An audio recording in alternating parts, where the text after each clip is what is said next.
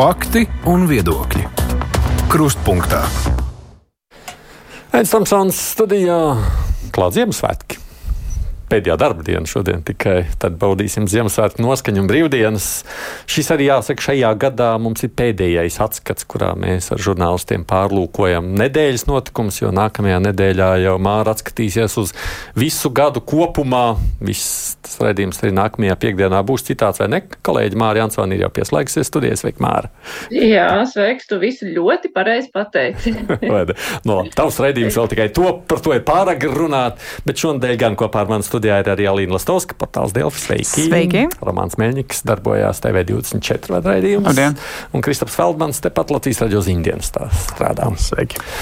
Nu, Es iesākšu arī ar to sabiedrisko mediju aktualitāti, jo mums vakar kulminēja tas sabiedrisko mediju labdarības maratons dod pieci, un tā palīdzība tā saucamiem riska bērniem, nu, tuvu pusmiljonam tika sazādāts tomēr ļaužu ziedojumi bija diezgan dāsni. Ko jūs sakāt par šo grūto tēmu? Tad, tad riska bērni un jaunieši.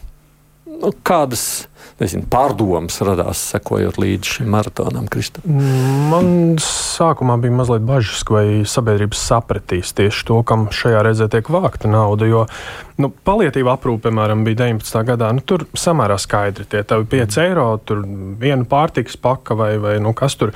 Bet šoreiz man šķita tas mazliet abstraktāk. Tāpēc es biju godīgi teikšu, patīkami pārsteigts redzot, ka šis ir trešais augstākais rezultāts. Nu, tieši naudas ziņā, kas saziedots. Un ne tikai tādā ziņā, tas arī tāds. Nu, reizēm sabiedrības attieksme, nu, ko mēs tur ņemamies. Tas ir vēl viens aspekts, jā, un es arī ar paziņām saviem runājot, uh, dzirdēju, ka uh, tādu viedokli es vienmēr ziedoju, gan jau, ka es noziedošu arī šoreiz, bet kavējos, tāpēc, ka es īsti nesaprotu, kam mm. tas aizies, un tie cilvēki tāpat ir tādi ielas bērni, un kāpēc mums par viņiem jādomā, tie ir viņu sliktie lēmumi dzīvē, ko viņi pieņēmuši. Bet, nu, acīm redzot, tomēr sapratu beigās. Māra. Nu, par to sabiedrības saprašanu man eh, bija tā, tie brīvā mikrofona zvani, kas jau arī nu, parādīja, ka ne visa sabiedrība saprot. Jo bija gan cilvēks, kas teica, viņš bija dzirdējis reklāmu un teica, tur ir runa, runa par atbildību, par to, ka mēs visi kā sabiedrība atbildam par bērniem, kuri nonāk uh, kaut kādos neceļos. Un viņš teica, bet es neesmu vainīgs tas, tas tā nav mana darīšana. Es esmu pensionārs un es neesmu vainīgs. Un viņam jūg tā, tas vārds, kas ir atbildība un kas ir vaina. Kāds vēl to visu nogāž uz vecākiem? Saka, jā, bet tie vecāki. Nu, jā, protams, visiem bērniem nav paveicies ar vecākiem, bet tāpēc jau mēs esam tā visa sabiedrība, kurai ir jāiesaistās, kurai ir jāatbild. Un šajā gadījumā, protams, nauda tas ir ļoti svarīgi.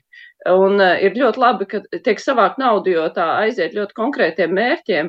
Bet uh, šajā gadā, kas ir vis, vis, vis, vis būtiskākais, ir tas, lai mēs katrs aizdomātos, ko mēs varam izdarīt arī bez naudas. Jo bērni, kuriem labi neklājās, ir blakus visur. Mēs viņus vienkārši nepamanām. Un skolās skolotājām arī grūti, viņām ir milzīgas klases, viņas arī netiek galā, viņas nevar arī padomāt, kāpēc tur viens bērns varbūt nāk netīrās drēbēs vai nemācās, vai viņam ir viss tāds protests jau no bērnības pret visu, un viņi arī ar to visu netiek galā. Vecāki arī varbūt cenšas, bet netiek galā. Un blakus cilvēki visbiežāk šādās situācijās, nu, ko dara? Nu, tur tas puisīts kaujās klasē, manam bērniņam sit. Nu, mēģināsim viņu dabūt prom no tās klases, jo viņš maitā visu. Bet to, kāpēc tas tā notiek, parasti nu, mēs tā īsti negribam, nevaram arī iedziļināties. Un eh, šajā, Aidi, tev bija tā lielā diskusija par, eh, to, par tām atbildībām daudzajām. Kurš atbild, lai pamanītu tādus bērnus? Un man šķiet, ka ar tām atbildībām tā kā viss ir, ir institūcijas, kam, kam tas ir jāpamana, bet bieži vien tas atduras, nu, tādā katra personiskajā uh, nespējā, varbūt negribēšanā izdarīt, pamanīt un pieņemt to labāko lēmumu. Jo nu, tas ir tiešām grūti un sarežģīti. Un man kā cilvēkam arī ir ļoti grūti nu, tā visu izdarīt eh, tiešām pēc labākās sirdsapziņas. Un es tieši šīs akcijas iespējā es arī aizdomājos vēl desmit reizes, ko es varētu personiski izdarīt, izdarīt labāk. Mums bija no Resiliences centra pirmdienu interviju, un, un um, tur uh, uh, Vana kungs teica tādu brīnišķīgu frāzi par to, ka, ko mēs katrs varam darīt. Pat ja mēs neziedojam naudu, mēs varam parunāt ar cilvēkiem, kurus mēs eh, varbūt uzskatām, ka, jā, ka viņi varbūt nav tie labākie vecāki, ka viņi varbūt dzēra, varbūt viņi nestrādā pienākoši, bet mēģināt parunāt un ieklausīties ar tiem cilvēkiem, kurus mēs uzskatām varbūt par sociāli nelabvēlīgiem, jo tajā brīdī, ka mēs viņus uzrunājam, vai paklausāmies, kas viņam sakāms, pat tad, ja mēs nepiekrītam, mēs viņu tomēr kaut kā pieņemam savā sabiedrībā, un, un tas ir viens mazs, mazītiņš solīts, varbūt, lai viņš tiktu no tā laukā, lai nebūtu tā, ka mēs esam te, tie labklājīgie, un tie pārējie ir tur kaut kur, un mēs nekad nesatiekamies. Te ir diezgan stereotipi jūtam arī, sabiedrībā mēs redzam viņus, kad nu, tie sociāli nelabvēlīgās ģimenes un tā tālāk, kur, kur vecākiem nav vaļas bērniem pievērst uzmanību, no prasmes vai no uh, citu iespēju Um, nevienmēr tā ir. Mēs atceramies šos divus gadus Covid, kur, kur ļoti daudz bērnu izkrīt no mācību procesa tieši tāpēc, ka viņiem pietrūka šīs klātienes socializācijas. Viņi izkrīta no tādas socializācijas prasme apgūšanas pusauģu vecumā. Tas ārkārtīgi svarīgi. Es zinu labus piemērus, vairākus piemērus šādus, kur, kur vecāki ļoti mīloši, vecāki ļoti gatavi nodrošināt visu kaut ko, bet, bet tas bērns vienkārši tajā, tajā situācijā viņš jūtas vājš un, un, un tā vide rada viņam to vēl lielāku vājumu. Uh, ir ļoti labi, ka jūs pievērsat uzmanību tam šai problemātikai. Cita lieta, ka nu, ar šādiem vienreizējiem pasākumiem nepietiek. Ir svarīga sistēmiska pieeja. Ja, piemēram, psihoterapeits vai psihologa palīdzība daudzos gadījumos tiek izrakstīta uz desmit reizēm, atnāk bērns, pirmās divas viņš iepazīstina ar sevi, pēc tam viņi kaut ko mēģina, un, un tad, kad vajag dot to palīdzību, viņai jābūt ilgtermiņā tā palīdzībai. Viņa beidzās, viss tā programma beidzās, vienā brīdī tās bērns nu, atkal paliek bez atbalsta personāla, jo nevienmēr vecāki to spēj, nu, arī profesionāli nespēja. Jābūt ir psihologam un speciālistam, kurš var atbalstīt. Un, un, un viņš beidzās. Un, ja piešķir vēlreiz, tad aiziet pie jauna psihologa, atkal sāc no jauna. Un vienā brīdī tas bērns saka, nu, man jau apnicis stāstīt katram par sevi eh, visu no, no, no mūzes laikiem. Man, man gribās atbalstu, man vajag atbalstu pirmdienu, otrdienu, trešdienu. Un jautājums, ja tu tiec un kas ir ar rindām eh, pie Rindas. speciālistiem. Jā. Bet uh, es atgriezīšos pie sākuma. Man liekas, uh, tas ļoti, nu, tiešām liels gandarījums un paldies jums par, ko, par to, ko jūs darat ar šādām akcijām, jo kaut vai runāt par to, tas tas ir ļoti svarīgi.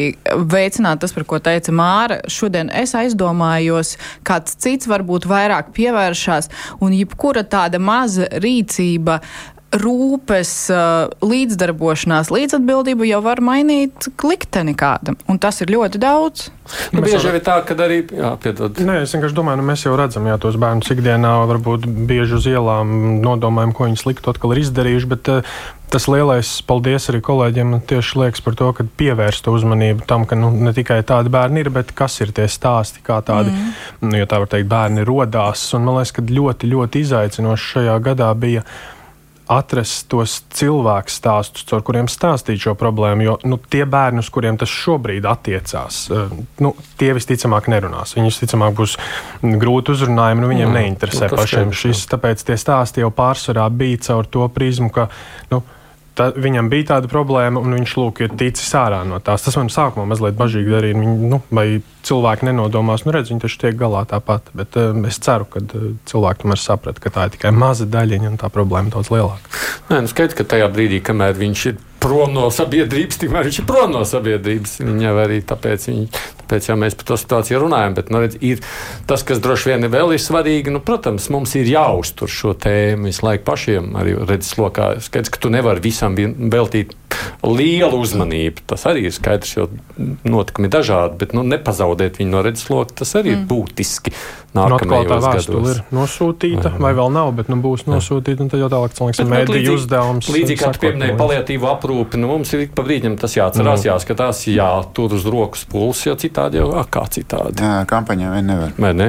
Bet, bet starp citu, domājot par šo, ka mēs tā kā sabiedrība iespējams pamazām mainās, tas bija viena jautājuma, domāju, nu, ja man paliks laiks tikai pajautāšu. Bet nu, no vienas puses tas saskan. Mums bija pagājušajā brīvajā mikrofonā pirms pusstundas viena klausītāja rakstīja, nu, ko jūs ar tiem kaķēniem vēl? Mums taču ir tik daudz ekonomisko problēmu. Tur dzīvnieku labturība šobrīd arī saimnes spriež. Bet šis arī tāds nav tāds interesants, no, es nezinu, nu, tas nav politiski strīdīgs jautājums, bet parāda kaut kādu sabiedrības paradigmas izaugsmas tādu, nu, tādu pagrieziena punktu. Jā. Protams, sabiedrības attieksme pret uh, dzīvnieku arī ir ļoti maigs aizsargāts pret jebkādu cilvēku vardarbību, rīcību, nežēlīgu attieksmi. Un, ja mēs pievēršamies uh, dzīvnieku aizsardzībai vairāk, tas liecina par kaut kādu arī labklājības un domāšanas izaugsmi. Otrs jautājums, cik daudz ar tām likuma izmaiņām būs rezultāts? Jā, mēs aizliegsim turēt uh, suņus pie ķēdes, bet vai to reāli uzraudzīs un kādas tam būs sekas? Bet, nu, labi, tas ir plašāks nu, jautājums. Zini, es esmu vienreiz, nedrīkst jau skaļi tālāk sacīt, jo gan jau kāds var izskaidrot, bet es esmu vienu cilvēku, nu, tā kā redzēju, ka tas suns tiek turēts pie ķēdes, gāja ikdienā garām. Un tomēr nē, nu, jo tur tās, tā ķēdīte bija tik maziņa. Mm. Man to suni bija tik ļoti žēl. Es piezvanīju, un nākamajā nedēļā tas suns pazuda no tās sēdes. Tā kā es domāju, ja mēs būsim kā sabiedrība, aktīva. protams, ja mēs palīdzēsim paši uzraudzīt un sakosim līdzi, protams, jā. Jā, tas ir sabiedrības izaugsmes jautājums, kā teica tikko kolēģi, jo kādreiz tā bija norma turēt suni ārā pie Visas paudzes gadu gadiem ir turējuši tikai suņus piesiet. Protams, jā. un tad, tad nāca kaut kāda attieksme, ka vajag voljeru vai vajag, nu, ja tā ir teritorija, kur jāsargā, vai vispār lūdzu suns. Man nemaz ārā tur nav vajadzīgs vientuļš. Vientuļš suns. Ko tas man dod, ka viņš tur pie, pie, pie, pie šķūļu piesiet? Jā, jā. jā. Tas, tas, tas, tas, tas arī maina to attieksmi. Mēs arī dzīvojam tiešām labklājīgāk.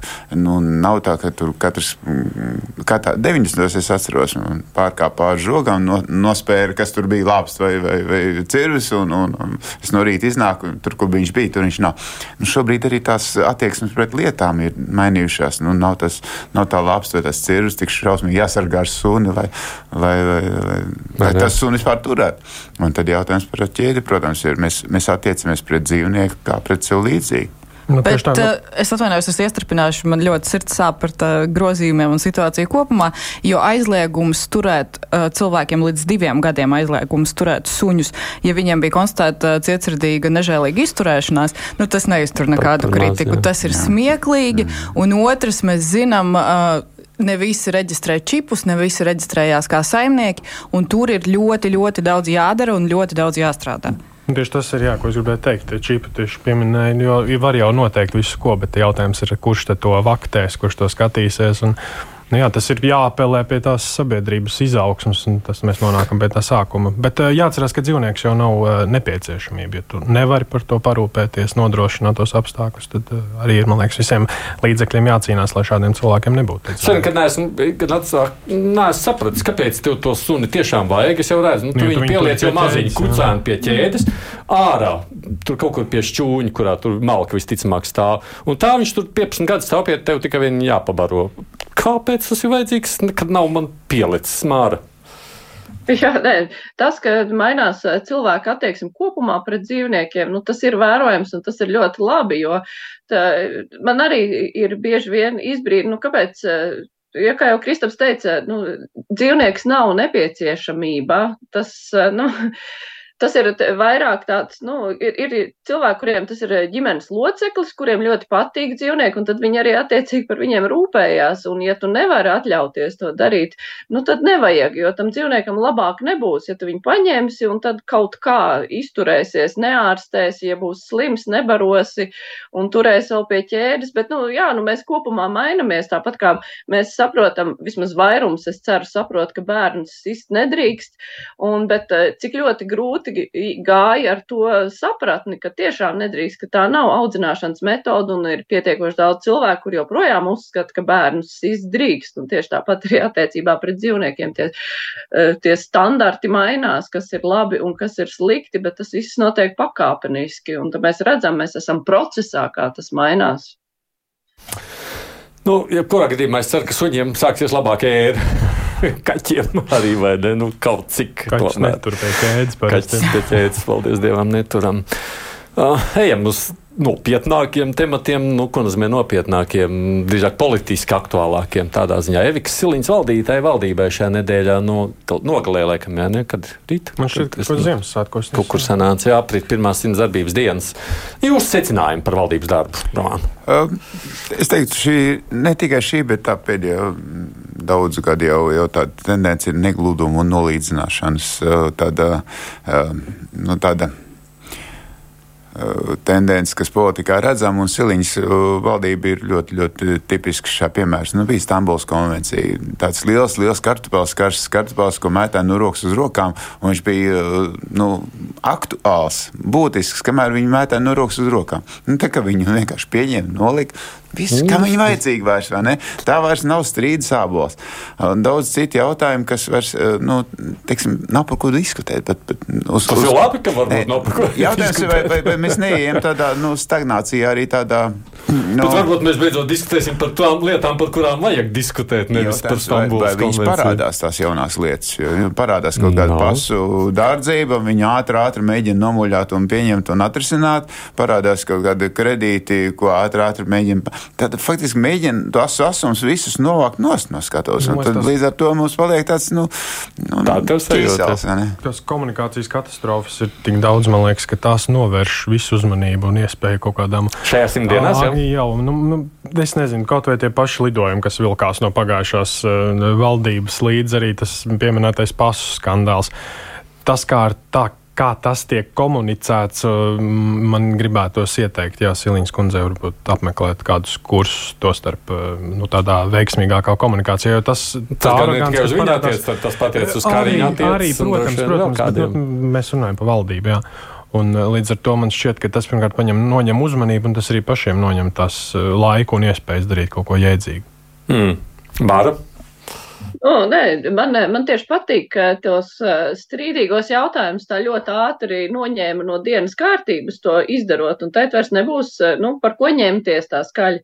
Par tām pasēm, ne, tas ir diezgan briesmīgi 60 eiro pa pase, bet Bet es ne, nedomāju, ka tas parādījās tagad, lai gan es neesmu to pētījusi, bet gan jau, ka bija tāds pro, projekts, jo to jau vienā dienā taču nevar ieviest, ka tas noteikti jau ir no turienes nācis ilgākā laikā, un tā ir vienkārši izlīd laukā. E, bet, e, jā, komunikācija tur tiešām prasītos labāka, jo.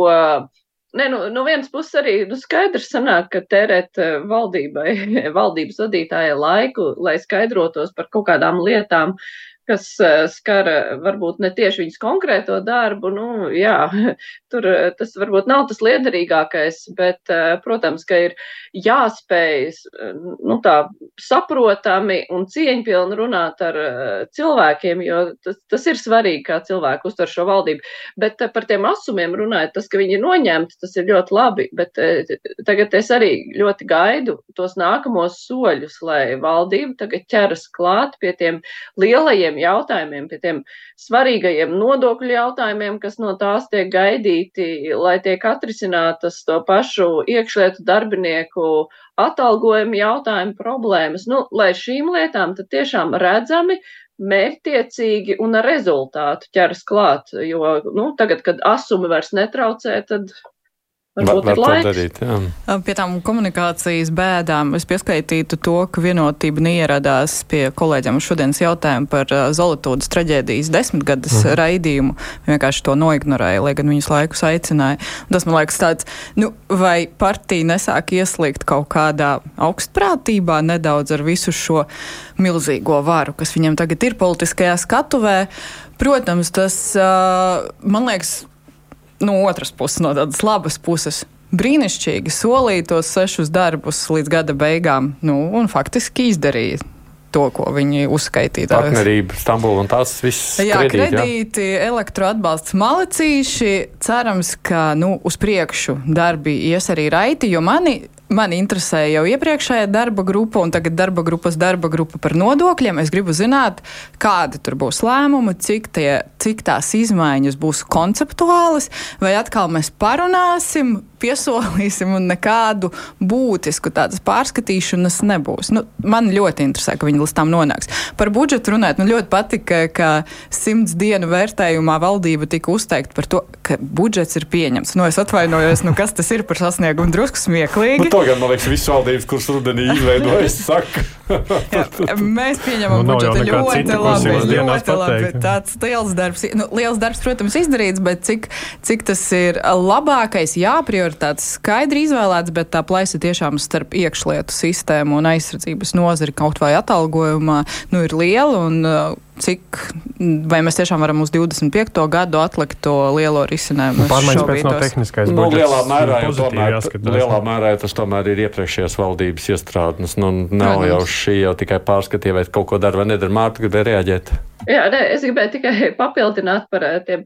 Es neapskaužu politiķus, kuriem ir eh, visu laiku jāierodās eh, pie žurnālistiem. Vis, visneiespējamākajos laikos uz tiešraidēm atšaudīties, jo tad viņiem ir jānāk agri no rīta kaut kur uz rādio, tad viņiem ir vēlu vakarā pietiekoši jāspēj būt formā un jāatšaudās no žurnālistiem. Es viņu likteni tiešām neapskaužu, jo tāpēc, ka žurnālisti. Tā ir viņu izvēle. Bet, tas nav. Bet es varu iedomāties arī iemeslu, kāpēc kāds kaut kur neatnāk, jo tāpēc, ka, nu, jā, tas, tas nav viegli. Nē, man liekas, ka Zultūdas traģēdijas desmit gadus raidījums tomēr nav jebkurš ierindās diskusija par kaut kādu, es atvainojos, sīkumu. Nu, īpaši jau jaunai vienotībai, kas visu šos uh, gadus, visu šo laiku partijas premjers uzņemās politisku atbildību atkāpjoties. Jā, negrib asociēt sevi ar šo traģēdiju. Nu, tur jau tā lieta. Maksim arī negrib sevi asociēt, bet tāpat nu, negrib, negrib. Um, nu, reiz mēs te vairākas lietas pieminējām, droši vien pie to nopietnās sadaļas, nu, tie nākošie darbi, ko tad jūs sagaidāt tajā nākamajā gadā? Tā nodokļu politika būs tas lielais, uz ko tad mēs gribētu skaidrību par tiem nodokļiem. Visu laiku runā, vasarā pagājušajā gadā runāja par to, ka būs tad lielā grupa un taisīs to lielo reformu. Nu, nu gal galā, nu, pasakiet, kas mūs sagaida. Nu, mēs visi, vai uzņēmēji, vai darbinieki, vai, vai gal galā arī pensionāri, grib saprast, nu, kas mūs sagaida. Bet, ja no tavas viedokļa, jo tev tomēr ir pieredze dienas biznesa vispārējais, tev šķiet, ka mēs gribētu, tev, tavuprāt, vajadzētu sagaidīt tādu fundamentālu, kārtīgu revīziju, tādu pamatīgu lielu, nu, proti, kad būvēm pa jaunu. Ne, ir vajadzīgi nu, mehānismi, ir vajadzīgi stimulējuši mehānismi, lai, lai vairotu uzņēmēju darbību, lai vairotu cilvēku gatavību, interesētību strād, mācīties un strādāt, lai, lai piesaistītu investīcijas. Faktiski jābūt šiem, šiem lieliem uzdevumiem, ko mēs darīsim, lai piesaistītu investīcijas. Bet to, izdarīt, bet to var izdarīt ne kapitāla laužot visu. Nu, protams, bet nu, tad, tev nav jāsalauž visu. Tev ir jāpasaka, vienkārši šeit ir viens vektors, šeit ir otrs vektors, šeit ir mm trešais vektors. Mēs ejam uh, uz šiem uzdevumiem, darot to, to, to, to, to. Efekts būs tāds un tāds un tāds, un to mēs varēsim pārbaudīt šādā, šādā, šādā, šādā veidā, tajos periodos. Mm -hmm. nu, vienkārši darbības plānām konkrēti mērķu sasniegšanai jābūt. Nu, Tā skaitā nodokļu likumdošanas. Uh, instrumentiem. Tāpat okay. kā tie darba spēka nodokļi, cik gadus mēs runājam par to, cik Vispārīgi. gadus tur uz, uz, uzņēmēji prasa kaut kādas izmaiņas, un valdība sola, ka jā, mēs paskatīsimies. Uh, iepriekšējā darba grupa arī uz tiem skatījās līdz uh, šī šis, darba grupa. Šis ir diezgan fundamentāls pārlikt no darba spēka uz patēriņu. Tas ir diezgan būtisks. Tas ir, Tā ir tāda kapitāla jau pārbūve. Es, teikšu. es šaubītos, ka šī valdība kā kapitāla pārbūvēs. Jā, varbūt kāds procentu punkts turp šurp, bet bet es šaubos par tādu lielu apņēmību uz fundamentālām izmaiņām. Tavuprāt, vajadzētu? Jo jebkura šāda pārbūve, protams, raisīs arī no milzīgas putas. Tas nu, ir protams. Fakts es, man trūkst ekspertīzes, lai teiktu, ka vajadzētu šādu vai tādu nodokļu sistēmu, un es paļaušos vai, uz Nē, redz, ekspertiem. Tā ir viena lieta. Ja mēs pārceļām no iedzīv, nu, sociāla nodokļa un darba spēka nodokļiem nenoņems, nu, tam jābūt ne, pietiekoši lielām, ir, lai garantijas būtu. Tātad iedzīvotāja ienākuma nodoklis. Iedzīvotāja ienākuma nodokli no strādājušiem, protams, var samazināt, pielikt PVN, bet tādā gadījumā, piemēram, maize maksās dārgāk, un tātad pārtiks grozs būs daudz dārgāks. Un tas, no tas savukārt cietīs, no tā savukārt cietīs tie, kas ir mazāk turīgie. Nu, te ir ļoti uzmanīgi. Tātad faktiski es, es drīzāk būtu uz to, ka jābūt nu, definētiem mērķiem, un tad no tā izējot. Nevis, nevis mēs tagad redzam instrumentu, mēs tagad mēģināsim viņu kaut kā darbināt. Vispirms mērķis, kāpēc, ko es gribu sasniegt, un tad kādā veidā, un tā tālāk. Nebūs tā, ka mēs, es to kolēģi, nebūs tā, ka mēs, jau, lai ko viņi darītu, mēs jau kā žurnālisti noraksim. Kritiski mēs būsim jebkurā gadījumā, un tas ir labi, tāpēc, ka mēs nevaram pateikt, ka viss, ko viņi darīs, būs ideāli. Viņiem jābūt spējīgiem atbildēt un pamatot. Ja tu dari kaut ko, tad lūdzu pamato, kāpēc. Kāds labums būs visai sabiedrībai, valstī, ekonomikai no tā, ko tu dari. Ja tu dari darīšanas pēc, nu, tu piedod, tādu darīšanu mums nevajag. Māra. Es pilnīgi piekrītu Romanam, ka ir nepieciešams eh, nodefinēt mērķi un pateikt, kādā veidā mēs to sasniegsim, jo par to, ka ir jāveic eh, nodokļu revīzija. Tas jau bija paredzēts, to vajadzēja jau tagad, šogad sākt darīt, bet visu laiku tā taisījās, taisījās, un tas nenotika. Nu, labi, valdība mainījusies, tagad to nākamgad darīs. Bet, eh, teiksim, tās pusfrāzes, kuras dzird no amatpersonām, jo es, es no tā visu saprotu, ka uzņēmēji gaida, ka kaut kur kaut kas tiks samazināts. Savukārt, finanšu ministrijā to visu redz pilnīgi citādāk, ka nodokļu reforma nozīmē, ka nodokļi tiks paaugstināti. Un tā tā absolūti ne, nu, neprecīza, haotiska tās informācijas drumslas, kas nāk laukā, tas nerada nevienam vispār ne pārliecību par to, kas mūs sagaida nākotnē un ko mēs īsti gribam paveikt. Un tas ir tā neskaidrība, man liekas, ir vissliktākais, kas vien var būt. Mm. Par komunikāciju atkal atgriežamies jautājumā. Ja? Jā, nu, bet, ja reiz esam pie šī komunikācijas jautājuma, tā arī par tā paša pieminētā pašu, pašu stāstā, kas tikko parādījās. Nu, mēs tā tad redzējām, otru, trešdien ja, bija neveiksmīga šķietami komunikācija Latvijas televīzijā. Viss sociālais tīkls sašūmējās uzreiz. Un, pēkšņi, un tad viņi atnāca vakar uz Latvijas radio un saprata, ka nav lāga bijusi. Un, jā, kā tu saki, 180 grādiem pagriez atpakaļ. No otras puses, tas varbūt ir labi. Tad viņi mācās no kļūdām. Nē, nu, var mācīties no kļūdām, var mainīt viedokli un nu, tur atzīt. Tas varbūt pārsteidzīgi kaut ko pateicu, bet man šķiet, ka ir jādomā jau sākumā. Nu, ir, tu esi premjerministre, tad arī varbūt padomā, kā tu izklausies un kā varbūt tevi uztver sabiedrība. Nu, tu nevari pateikt, ka tā nav problēma. Nu, nav bijusi premjera, tā tad pieredze tagad sāk nu, apgūt. Es pieļauju, jā, ka arī premjerai nav problēma iegādāties pasi par 60 eiro, bet nu, tas bija ļoti aroganti.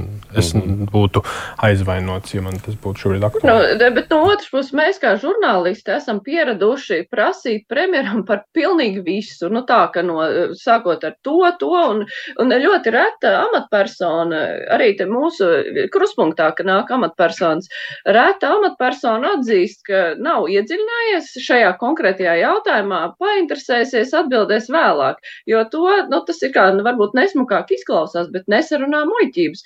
Es pilnīgi pieļauju, ka premjerē kaut ko paprasīja, tā kā mēs viņa, nu, arī Daudz nebija par to neko droši vien interesējusies un dzirdējis. Nu, atbildēja ātrumā, kā atbildēja. Es pat nepiesietos. Man šķiet, ka žurnālistiem vienkārši nevajag prasīt eh, visām amatpersonām par visu, jo no tā nav nekādas jēgas. Tajā brīdī, kad ir atbildība premjera par kaut ko, tad mēs prasam un mēs prasam pēc pilnas programmas, bet nevis tur par katru jautājumu, kas ir kaut kur uzpeldējis. No, nu, no manas puses, ka šeit jautāt var jebko. Es, man liekas, ka viņai pietrūkst tādas pieredzes, lai saprastu, ka nu, šis jautājums īstenībā nav nonācis vēl līdz ministru kabinetam. Viņai vispār nebija nekādas informācijas, ja tev nav informācijas.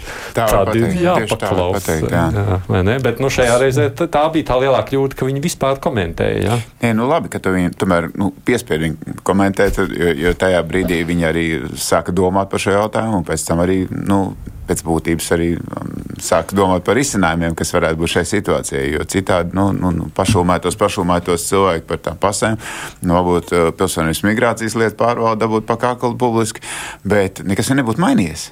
Bet tagad vismaz ir aizgājis līdz tam, ka nu, tajā lēmumā, ko viņi pieņems par šo pasu maiņu, nu, lēmums vēl priekšā, nu, tur būs kaut kādas korekcijas. Tas tāpat kā ar, ar elektrības tarifiem. Ja nebūtu par elektrības tarifiem jautājuši, nu, sadalījuma tīkla tarifiem, tad, tad jautājums nu, tā arī palikt, esam maksāt. Un, Šim arī sekos līdz daudz vairāk, es domāju, žurnālistu jautājumam. Te vairs nevarēs izbraukt. Nu, jau arī sasolījis, ka tagad gan ministrs, gan nu, jau ir ko tā nu vairs. Tagad nāksies pamatot to argumentāciju. Man liekas, sociālos tīklos parādījās, tajā Mārē sākumā sacīja, ka nu, tas lēmums jau par tām jauno pasu izsniegšanu iepriekš bijis. Ja es pareizi redzēju to lēmumā, tur tā paša izmaksa. Lēmumi, jā, jā, bet tur bija saskaitīts, cik pasas ir jāizgatavo, cik maksā, un tur tā viens pasas izmaksa nu, bija, nu, jā, es pareizi sapratu nu, zem 10 eiro. Kā, nu, Jā, tad jau tā sarīķināt no, no pasūtītā. No konkursa naudas. Atgriešanas vispārējais, bet kaut kā jau kopā man, tā nav. Man labi tā iekšliet ministrs uh, solīja, ka visas pases un uh, ID kartes un šādu veidu dokumentu ir tikai pašizmaksa, tur nekāda veida peļņa nesot. Nu, ID kartes esot zem, zem, zem, zem tās pašas maksas. Nu, šis ir, varbūt tas izlīdz. Šīs būs lietas, kas būs tagad jāskaidro publiski, bet es tikai zinu. Bet vispār jā. kopumā par šiem stāstiem, kad ir kaut kāda situācija, tad neveiksmīgs izteikums, tad publiskais sašutums un atpakaļ atkāpšanās.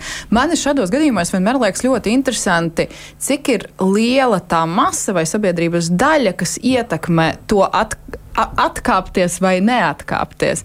Cik, tie, cik politiķi arī grūtākos vai kontroversālākos kaut kādos jautājumos.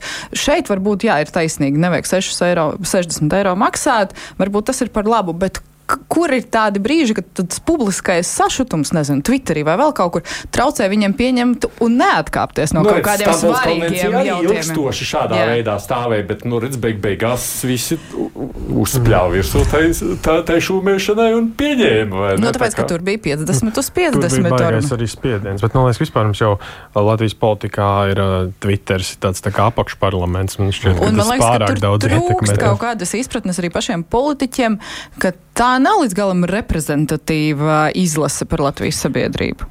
Tā ir, nav reprezentatīva, bet tā ir viedokļu veidojoša. Līdz ar to te ir neizbēgami. Jā, bet ko mēs darām ar maz aizsargātiem iedzīvotājiem, kuri neseš Twitterī, un viņiem nav iespējas tur paust viedokli, bet viņi reāli saskarās ar ļoti daudzām problēmām. Man šķiet, ka šī ir tāda lielā mērā netaisnība.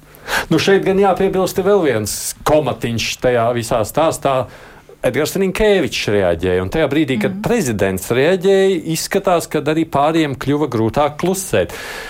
Bija prezidenta teiktiem nozīme, jūsuprāt? Um, pašreizējais prezidents ir morāla autoritāte, nu, kurš, Pareiz. kurš, kurš uh, pasaka, uh viņš mhm. arī par, par iepriekšējiem jau strīdīgiem jautājumiem ir pateicis viedokli, un tad līdz ar to nu, pārējie bija spiest uh, pielāgoties. Viņš, viņš tiešām ir. Nu, Viņam ir izdevies panākt, ka viņā ieklausās. Jā, viņš, mm. viņš pirmkārt, viņš ir ļoti atvērts pret sabiedrību un pret sabiedrības arī aktualitātēm. Viņš cenšas viņus, uz viņiem reaģēt. Viņš ir ļoti atvērts arī pret, nu, kas kaut kā apstājās ielas malā un sasveicinās ar cilvēkiem, kas viņiem tur viņu sagaida ar karogiem.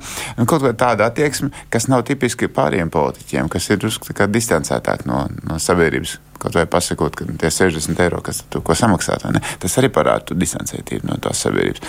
Līdz ar to tie, tie nu, saka, štata politiķi jau jūtās nu, drusku vājāki par eh, nu, tādu. Nu, Rukēvičs būs uzlicis augstāku latiņu tagad. Jā, jā, jā. ļoti labi. Ir kaut kādiem piebilst par šo? Atgādini tikai šeit, eh, pirms mēs turpinām, man kolēģi Mārija Ansona, Linda Stauska, Mans Mēņiks, Kristofs Feldmans runājām par šīs nedēļas aktuālajām ziņām. Raidījums Krustpunktā. Nu, tāds, ja par komatiem un punktiem runājam, tāds trakns komats šonadēļ bija ielikts stāstā, par kur mēs esam šeit savulaik daudz runājuši un jāatzīst arī, nu, jutušies pārsteigti, jo kādreiz ļoti vērtāts. Atzīts Latvijas Bankas prezidents Ilmārs Rimšēvičs, tad nu, saņēmis pirmās instances spriedumu seši gadu cietumā. Nu, vēl jau, protams, iespēja pārsūdzēt, tāpēc tikai komats, tāpēc vēl nav tas punkts. Bet Nu, kādi ir tie jūsu secinājumi pēc šīs ziņas izskanēšanas? Jā, kā, kā tu saki, vēl jau būs noteikti slimošanas, pārsūdzības un visādi brīnumi. Eh, bet, jebkurā gadījumā, tas vismaz uh, iedod tādu ticību Ziemassvētku brīnumu, ka, ka arī jā, no agrākas eh, augstas amatpersonas, kuras nogrēkojas, nu, kad viņas tiešām arī reāli notiesā. Nu, tas, nu, šis spriedums pirmā instance, bet, bet kad ir kaut kāds rezultāts, nu, tas visā ziņā ir pat, patīkami, es teiktu, mm -hmm. nu, ja tā var teikt. Ramāna. Pārsūdzēšana, protams, būs, bet ir jau tagad nu, ļoti grūti iedomāties, ka viņu attaisnotu, piemēram, nākošajā instancē. Tā tad būs tomēr sots. Tā tad, jā, tieši tā, tāda visatļautība, nu, tas ir signāls, ka tāda visatļautība nu, nemaz ja nedomājiet, vai ne?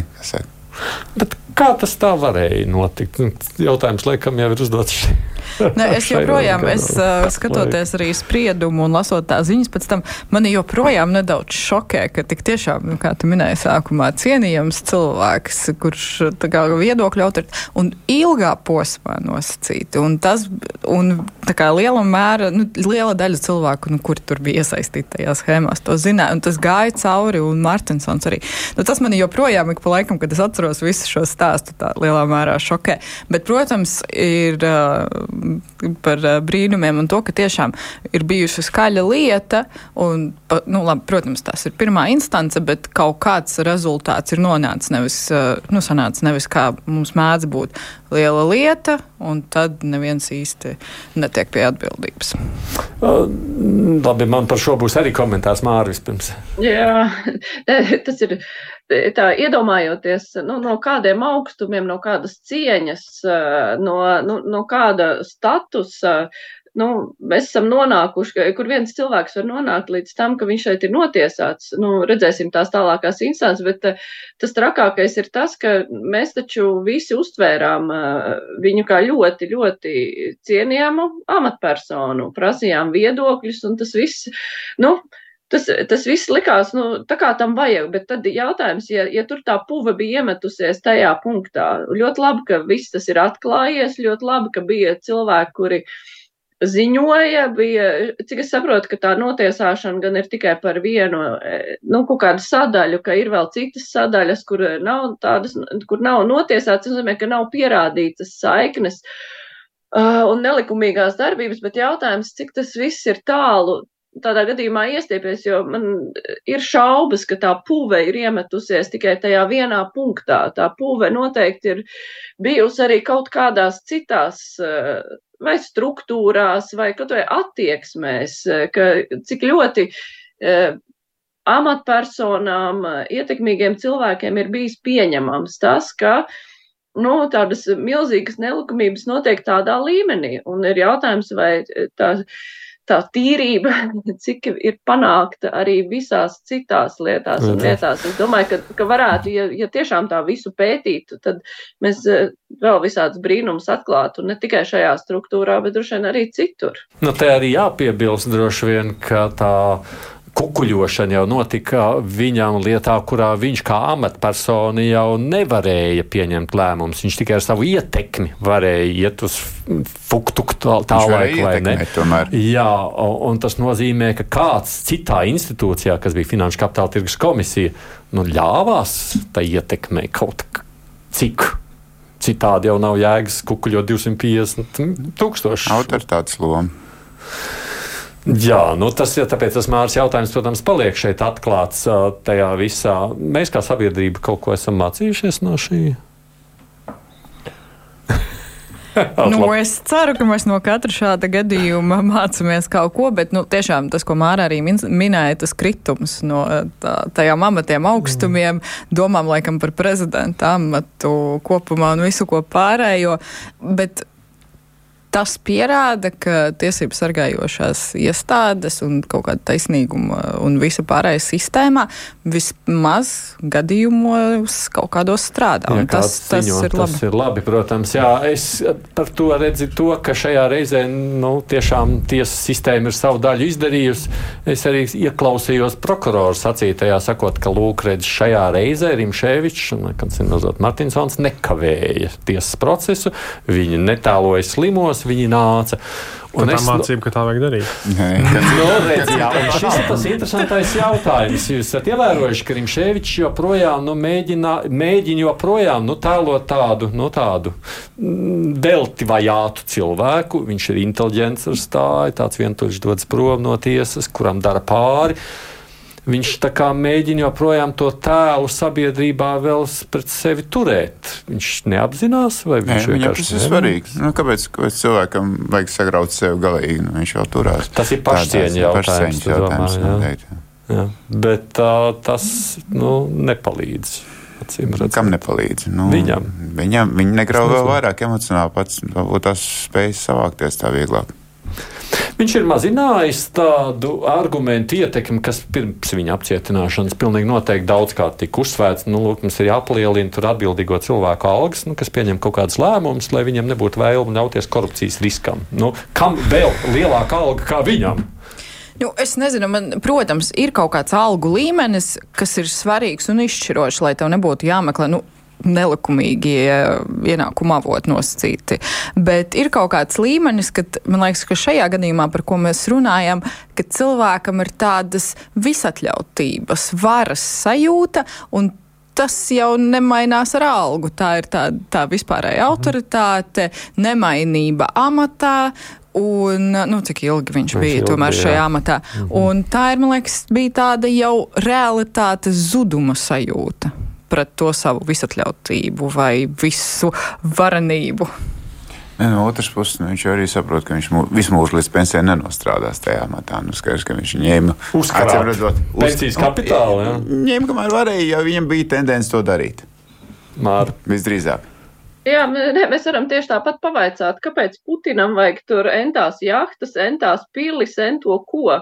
Viņam, nu, vai tā naudas trūkst, viņam tāpat eh, pietiktu, bet tas ir varas jautājums, tāpēc, ka ir eh, kaut kādā brīdī cilvēki vairs nespēja apstāties. Acīm redzot, man ir grūti iejusties tādu cilvēku ādā, kurš, kuram ir viskaut kas, ko viņš varbūt pat izmantot nevar savā dzīvē, bet uh, acīm redzot, uh, nu, tas ir kaut kāds tāds uh, varas jautājums, ka tu apliecini savu statusu ar savu varenību, ar tādām lietām.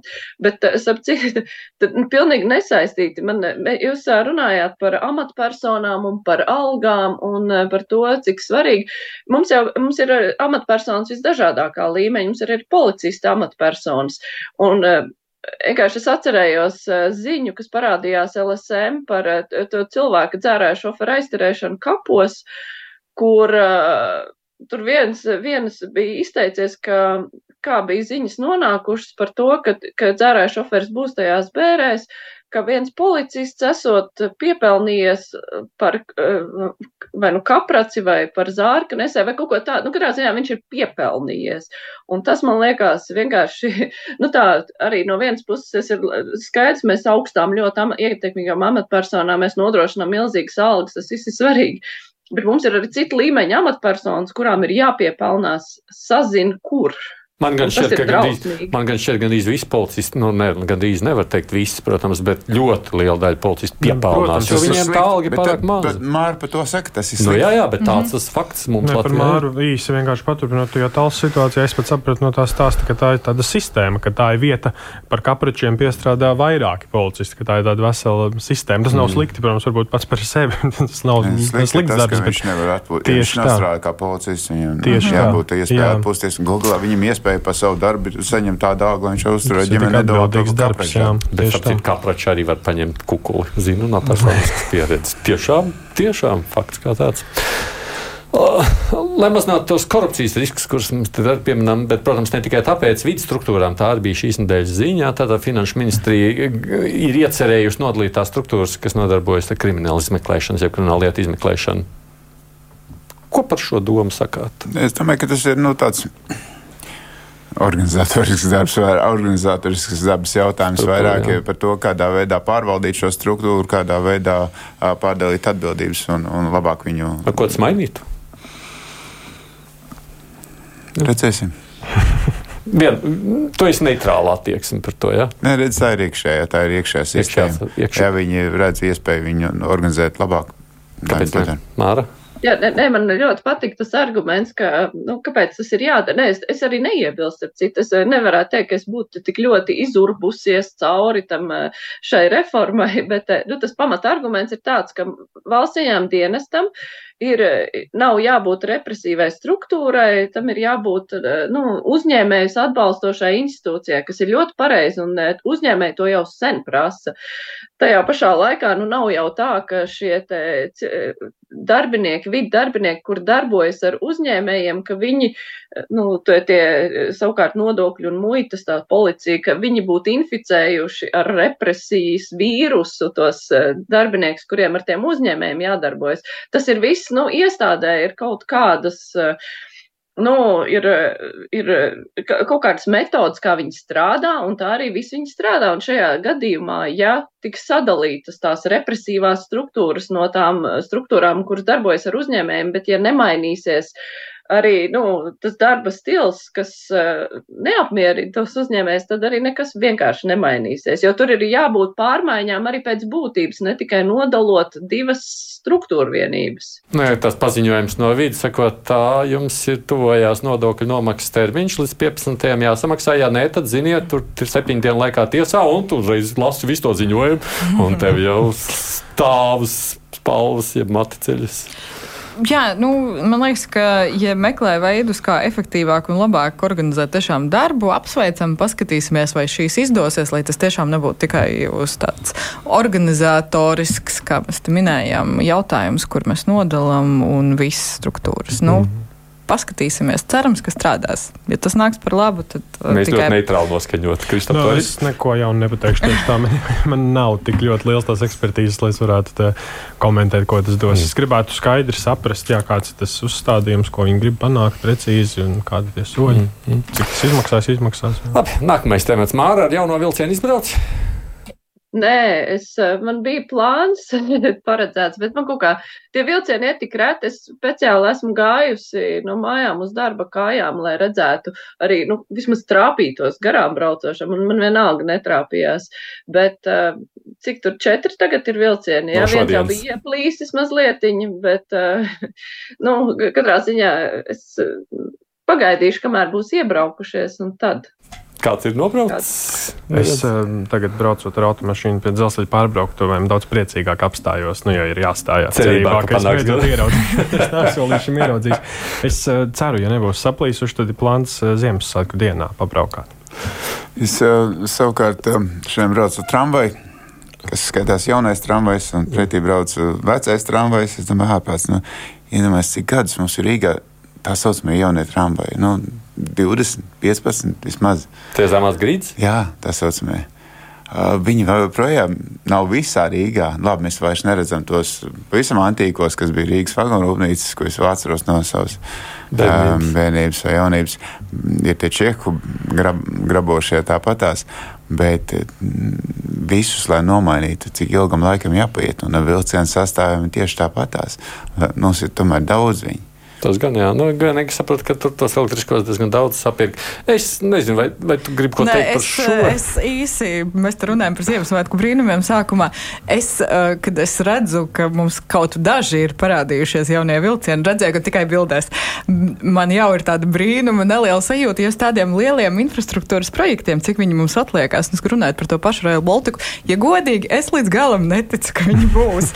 nu, es ceru ļoti, bet arī runājot par vilcieniem, man ir tāds o, oh, vismaz daži ir, nu tad jau kaut kas sāk piepildīties. Es kāpēc īstenībā to jautāju, jo, protams, tas ir sīkums, viss tādā ziņā, nu, vilciens jauns un ir labi, bet uh, nu, tā šīs nedēļas ziņa drīzāk ir saistībā, ka nu, lietuvieši tagad brauks pie mums. Jā, tas, tas gan man vairāk aizskāra. Tas tev aizskāra? Jā. jā, tas aizskāra tādā ziņā, ka nu, es, es redzēju, ka uh, Igaunija kompānija, kam pieder Spice un Spice Home, ir pārdevusies citai Igaunija kompānijai, tad vēl kaut kur lietuviešu vilciens. Nu, tad ļoti, ļoti jaušams, ka tāds Igauniju un lietuviešu bizness aizvien aktīvāks ir. Nu, Igauni arī brauks no Tārtu, es saprotu. Brauks, brauks. Bet uh, jautājums, kuram būs tā pievienotā vērtība? Man liekas, ka Paida Raiders Juris bija ierakstījis Twitterī vai Facebookā, Facebookā, laikam bija ierakstījis ar ļoti labu tēzi, ka tas lietuviešu vilciens, pirmkārt, lietuvieši Kāpēc ne latvieši? Kāpēc ne, nav tā kā nu, lidmašīnas? No, nu, tāpēc, ka, tāpēc es jums jautāju par tiem vilcieniem. Mums pirmais vispār parādījās, jā, jā, ko tā, mēs tur sūtījām. Bet, bet nu, būtība ir tāda, ka, nu, labi, varētu atrast, ar ko sūtīt, bet jautājums ir par to, ka viņi ir uzņēmīgāki. Un viņi brauc no rīta, iebrauc Rīgā, atbrauc lietuvieši, izdzīvojās par Rīgu, bet vakarā viņš aizbrauc mājās. Mēs, lai aizbrauktu uz Viļņu, mums ir divas naktis jādzīvo viesnīcā. No, nu, tāpēc, ka viņi organizē tur. Tur tā lieta, man tas, man tas drusku aizskar, tu jautāji, kāpēc aizskar ka, ka mēs esam pārāk pasīvi. Mums Latvijas dzelzceļa pasažieru vilciens nomāja nosaukumu, nopērka trīs vilcienus vagonus un, un, un, un priecājās, bet lietuvieši ienāk mūsu tirgu. Nu, viņi jau senāk nopirka vilcienu smāru. Jā, nē, es ļoti priecājos par eh, to, ka lietuvieši ka varēs aizbraukt uz eh, Viļņu ar eh, vilcienu, bet par to mūsu pasivitāti man gribētos saprast, kāpēc mēs esam pasīvi. Jo es tā līdz galam nesaprotu, nu, tad kuram ir jāuzņems tā iniciatīva un kuram ir kaut kas jādara. Jo, nu, ja lietuvieši var, nu, varbūt arī mēs varam, es nezinu, vai tur nevar divas paralēli kompānijas, nu, ja taciņi ir iestaigāti, bet noteikti, ka šajā biznesā, nu, tur eh, kaut kā tiek, tomēr, eh, nu, ne jau tā sliktā veidā, bet, nu, tomēr tiek dalīts, uz ko vairāk mēs orientējamies, uz ko viņi orientējas. Nu, nē, galvenais, ka kustība notiek. Tas man šķiet ir svarīgākais. Svarīgi. Nu, jā, mums pagaidām ir. Jā, piemēram, pieminēta īgauni, viņi diezgan lielu summu no sava budžeta arī atvēlēs, lai varētu nu, vizināt mūsu. Nu, viņam jau būs kultūras galvaspilsēta arī tā, es domāju, no, nu, jā, ka tur jau arī viņa atļaujas, jā. Atmaksāsies. Jā, bet beig beigās tur ir par ko šķendēties vai nav? Es nezinu, es uz tādu, uz šo lietu skatos tā vienkārši no cilvēka perspektīvas, ja man ir iespēja aizbraukt ar vilcienu uz Viļņu vai uz Tartu, es priecājos. Un es vispār biznesu, es, vizinu, vai... es biznesu vispār uztveru, nu, man liekas, ka biznesa vide pati par sevi ir par konkurenci. Un ļoti brīnišķīgi, ja mēs nespējam konkurēt, mēs neejam tur. Ja mēs uzskatām, ka tas ir ekonomiski pamatot, mēs ejam un konkurējam. Viss ir ļoti vienkārši. Jā, bet tā dīvaini, ja, ja lietuviešiem tas ir uh, iespēja konkurēt un pelnīt, un mūsu Mums ir iespēja, mēs vienkārši to nedarām. Privāts, valstī piedaroša dzelzceļa kompānija neizrāda šādu vēlmi. Nu, man liekas, tas ir jau tirgus. arī tagad nokavēts par to viņas jautājumu. Nu, ne, nevajag netaisīs vēl arī musēja tagad, kad jau ir atvēruši lietuviešu līniju. Varbūt mēs varam izdomāt divas. kaut ko foršāku. Nu, mums nav daudz variantu. nu, bet jautājums jau, ko mēs tur varētu aizsūtīt? Savus elektriskos mēs mm. nevarētu, jo tur mums elektrolīnija neiet cauri visam, ko tam mēs to veco dīzeli, kurš tāpat apstājās ik pa brītiņām. Nu, mēs mēs uz Liepāju nesen sākām biežāk braukt. Vienīgais nav jau ir laikam uh, avio satiksme, kur mēs vēl varam ko. Nu jā, vienkārši mums jau nav ko sūtīt uz Viļņu, mēs gribētu vai negribētu. Bet beig beigās es drīkst no tāda turistu skatu punktu varbūt labi, ka tas ir lietuviešiem izdevīgs. Viņi jau te brauks pie mums tērēt savu naudu, nevis ne, mēs savējos atstāsim viņu. dienu un vakarā var braukt nu, mājās. Vismaz dienu. Jā, bet viņi atbrauc un tērē savu naudu. Mēs tur varbūt nebrauksim, tāpēc, ka divas nakts jāpaliek. Atbrauc pastaigājās aizbraucām, mēs savukārt viesnīcas maksāsim. À, tas saka viesnīciem mm. atkal izdevīgi, tā kā neveik beigās ne šādi tam līdzīgi. Nu, mums ir divas minūtes beidzot. Kas jums ir Ziemassvētki? Kristap, kas tev ir Ziemassvētki? Man Ziemassvētki ir uh, iespēja satikties ar ģimeni, ar sievas ģimeni. Citādi es neesmu, neesmu reliģijos, līdz ar to man tam ir tikai tāda brīva aspekts. Jā, ne, izbaudījis to, vai ne? Māra, tu? Ai, man Ziemassvētki ir visvairāk, es domāju par to, ka tagad paliks gaišāks un nāk pavasars, un, un bērni ir eh, priecīgi par to, ka ir Ziemassvētki, un tas ir tāds laiks ģimenei. Nu, ir skaisti. Mēs ejam atkal uz labo pusi. Tas ir tāds, jā, tas ir tāds atzimšanas brīdis. Tā kā, Īsākā, ne garākā nakti pavadīt. Šodien esot īsākā diena, viss no rītdienas sākams pavasaris. Priekšā jau skaists dzīve. Jā, kas tev ir? Es, es tieši šodien novadīju diskusiju par to. Man bija gan teologs, oh. gan uh, astrologs, oh. gan uh, oh. dietologs. Mēs, mēs tieši par to no dažādiem aspektiem komercializējām svētki, cik maz paliek, ka teiksim, tā garīgā sastāvdaļa te visā, bet tas ģimeniskais, acīm redzot, ir svarīgākais. Jā. Alība. Jā, es arī izmantoju laiku starp Ziemassvētkiem jauno gadu aizbraukt uz laukiem pie Omas, uz mājām un apciemot visus radus, ko es spēju, aizvest dāvanas un papriecāties, pabaudīt tādu lēnāku dzīvi šie Ziemassvētki jau nekas, bet nākošajos es secināju, ka tur ir otrdiena, trešdiena, ceturtdiena. Tur visa nedēļa būs viena Ziemassvētka. Tā kā tad es domāju, darba devējiem tur ir aizes kā ar to situāciju tālāk tikt galā. Paldies, kolēģi, ka jūs bijāt un nedēļas atskatā palūkojāmies uz šīs nedēļas ziņām. Kristofs Feldmans no Latvijas radio ziņu dienesta, Mārija Ansoni no radio krustpunktā. Nu, tālāk pārējie citi medijas pārstāvja Līna Lastovska, Delfi portāls un Ramāns Mēņiks TV24 raidījuma vadītājs. Nu, mazliet par to, kas tālāk notiek. Krustpunktā pirmdien kā tāds neskanēs, bet būs manam kolēģim Arnam Krauzēm atkārtojums ar Vari Brasu. Tātad, nu, tur būs saruna, bet varbūt tad man jāpiemina drīzāk ir rītdienas saruna ar aktieru Jānu Paukštelo, kas arī ir Arnim Krauzēm. Līdz ar to mums būs divi laikmeti krustpunktā šajos svētku laikā. Un, domāju, varat iedomāties, ka tā būs arī interesanta saruna. Man kolēģi te bija atsūtījuši mazliet tādu reklāmu tajā visā, kad par paukštelo sakot tā, es tūlīt tās ātri varu vaļā ka pirms izrādes viņam vienmēr vajagot pusstundu apmīļot skatuvi. Tā viņš saka, ka vēl dažas tādas lietas, tā kā klausieties rīt sarunu par to. Mārai otrdien gan būs krustpunktā, bet arī intervija. Tavs sarunu partners būs mācītājs Gunts Kalme, vai ne? Runāsiet. Jā, tieši tā var ne nojaust, ka mūsu saruna būs tāda mierīga par kaut ko skaistu, nevis par briesmīgajām politiski ekonomiskajām lietām. Producenti ir jau zvejas studijā, arī bija iesaistīts Tamsons, lai mums tiešām priecīgi un gaiši šie Ziemassvētki.